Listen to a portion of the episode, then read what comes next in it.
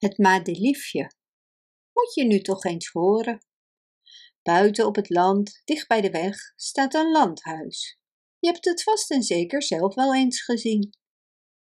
Aan de voorkant van het huis ligt een kleine tuin met bloemen en een geschilderd hek. Vlak daarbij, aan de rand van de greppel, midden in het heerlijke groene sappige gras, groeide een madeliefje. De zon scheen net zo warm en net zo mooi op dat kleine bloemetje als op de grote rijkbloeiende bloemen in de tuin. En daardoor groeide het madeliefje van uur tot uur. Op een morgen stond het bloemetje helemaal in bloei met zijn heldere witte blaadjes, die als stralen rondom het gouden zonnetje binnenin stonden.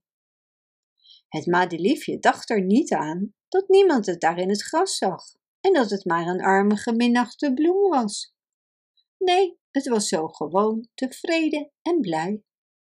Het keerde zich naar de zon toe, keek erin en luisterde naar de leeuwerik, die in de lucht vrolijk zong. Het madeliefje was zo gelukkig alsof het een grote feestdag was. En toch was het maar een gewone maandag. Alle kinderen waren op school en terwijl zij daarvan alles leerden, leerde ook het bloemetje iets.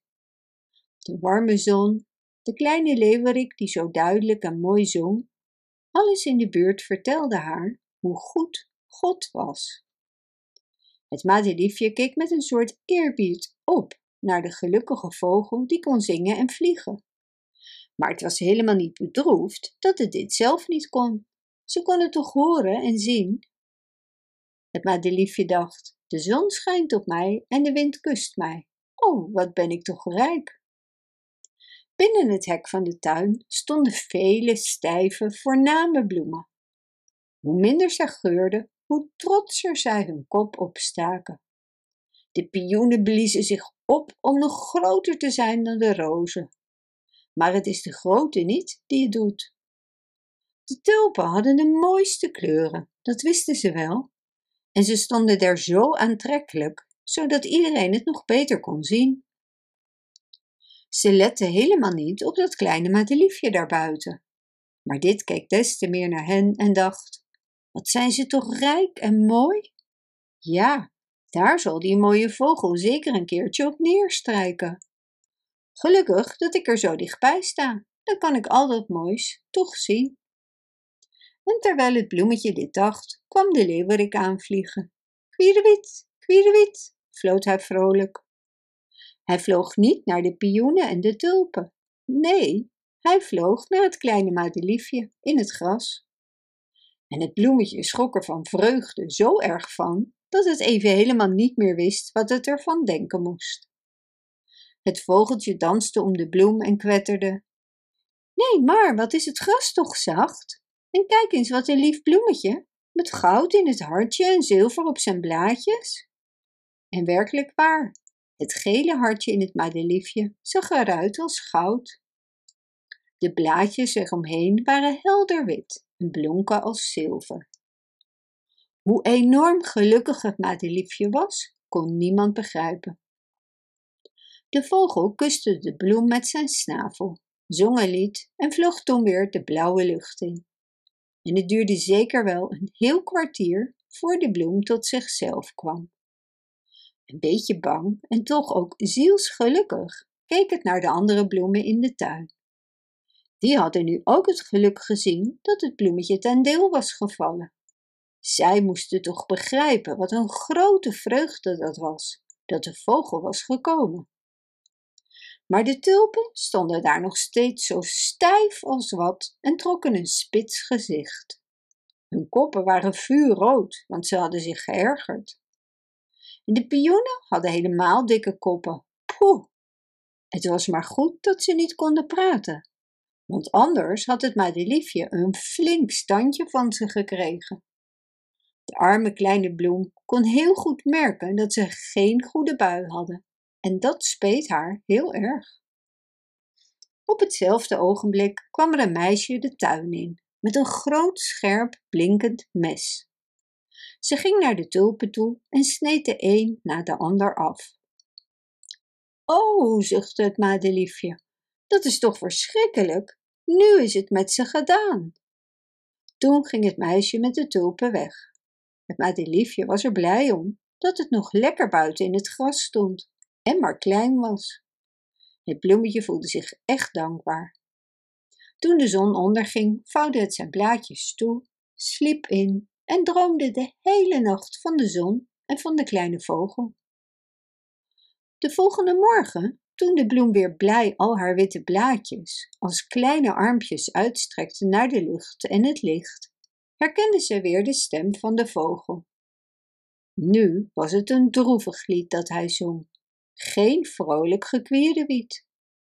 Ja, de arme leeuwerik had daar wel een goede reden voor.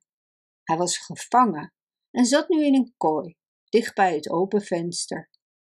En hij zong een lied over zijn leventje als vrije vogel. Hij zong van het jonge groene gras op het veld en van de heerlijke reis die hij met zijn vleugels tot hoog in de lucht kon maken. Maar de arme vogel was en bleef in een droevige stemming. Hij zat nu immers in de kooi gevangen. Het madeliefje wilde zo graag helpen, maar het wist niet hoe. En het vergat hierdoor helemaal hoe prachtig alles rondom haar was. Hoe warm de zon scheen en hoe mooi wit haar eigen blaadjes waren. Ach, het kon alleen maar aan de gevangen vogel denken, aan wie ze geen hulp kon bieden. Op hetzelfde ogenblik kwamen er twee kleine jongens de tuin in. Een van hen had een mes in de hand, net zo groot en scherp als het mes dat het meisje had gehad om de tulpen mee af te snijden. Ze gingen recht op het madeliefje af, dat helemaal niet begreep wat ze wilde. Hier kunnen we een mooi stuk gras uitsnijden voor de leeuwerik, zei de ene jongen. Hij begon een vierkant om het madeliefje heen te snijden, zodat het midden op de graszode kwam te staan. Trek die bloem eruit, joh, zei de andere jongen. Het madeliefje beefde van angst, want uit het gras te worden getrokken betekende voor een bloem het leven verliezen. En het madeliefje wilde juist zo graag blijven leven, nu het met de graszode in de kooi van de gevangen leeuwerik moest. Nee, laat het maar zitten, zei de andere jongen. Het staat leuk zo. En zo bleef de bloem zitten en kwam met de graszode in de kooi bij de leeuwerik. Maar de arme vogel klaagde luid over zijn verloren vrijheid en sloeg met de vleugels tegen de ijzeren tralies van de kooi. Het madeliefje kon niet praten, dus het kon de vogel jammer genoeg niet troosten. En zo ging de hele ochtend voorbij. Er is hier geen water, zei de gevangen leeuwerik. Ze zijn allemaal de deur uit en hebben vergeten mij een druppel te drinken te geven. Mijn keel is droog en voelt branderig. Van binnen ben ik vuur en ijs en de lucht voelt zo zwaar aan. Ach, ik denk dat ik moet gaan sterven. Ik moet weg van de warme zonneschijn en van het frisse groen, van alle heerlijke dingen die God geschapen heeft. Ach, wat jammer. Toen boorde hij zijn snaveltje in de koele graszode om het op te frissen. Daarbij viel zijn oog op het madeliefje en de vogel knikte tegen de bloem. Hij kuste haar met zijn snavel en zei: Jij zult hier binnen ook maar verdorren, jij arme kleine bloem. Jou en dit kleine plekje gras hebben ze mij gegeven, in plaats van die grote wijde wereld die ik daarbuiten had.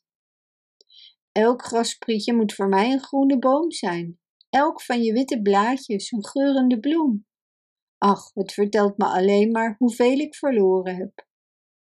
Kon iemand de vogel maar troosten, dacht het madeliefje, maar het kon zelfs geen blad verroeren. De geur die uit zijn fijne blaadjes stroomde, was wel heel wat sterker dan anders bij deze bloem het geval is. Dat merkte de vogel ook. En ofschoon hij smachtte van de dorst en gekweld de groene grasprietjes uittrok, raakte hij toch de bloem niet aan. Het werd avond en nog kwam er niemand om het arme vogeltje een druppel water te brengen. Toen strekte het zijn mooie vleugels uit, schudde ze krampachtig en zijn zang was een weemoedig piet piet geworden. Zijn kopje boog zich naar de bloem toe. Hij had te lang geen water gehad en zijn hartje brak van verlangen naar vrijheid. Hierna kon de bloem niet, zoals de avond ervoor, zijn blaadjes weer samenvouwen en vredig gaan slapen. Zij boog haar kopje, ziek en treurig, naar de aarde. De volgende morgen kwamen de jongens terug. Toen ze zagen dat de vogel dood was, huilden ze bittere tranen. Ze groeven met liefde een graf dat met bloemblaadjes versierd werd.